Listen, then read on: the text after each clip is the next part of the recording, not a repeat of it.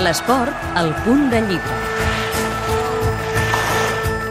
Azcona abre latas, cronologia de un idillo con el gol, és el llibre que el lleidatà Joan Ezquerra ha escrit sobre el seu ídol futbolístic de joventut, l'exdavanter de la Unió Esportiva Lleida i el Sant Andreu, entre altres equips, Mariano Azcona.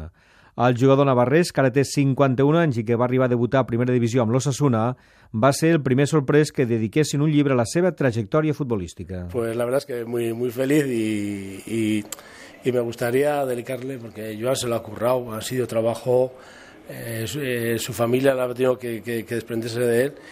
Y yo, más que la figura de Mariano, quiero que veamos que, fue una época, ¿no? una época de unas personas que trabajaron por el Lleida, gente que estaba involucrada, que eran de casa, que trabajaban por el Lleida, gente que vinimos de fuera, que nos, que nos pusimos también por el Lleida i jo quiero dejar ese ambiente, ¿no? de que era tot por el Lleida. L'autor del llibre, Joan Ezquerra, es defineix com un aficionat a la lectura, amb un amor desmesurat pel futbol i addicte a la informació esportiva.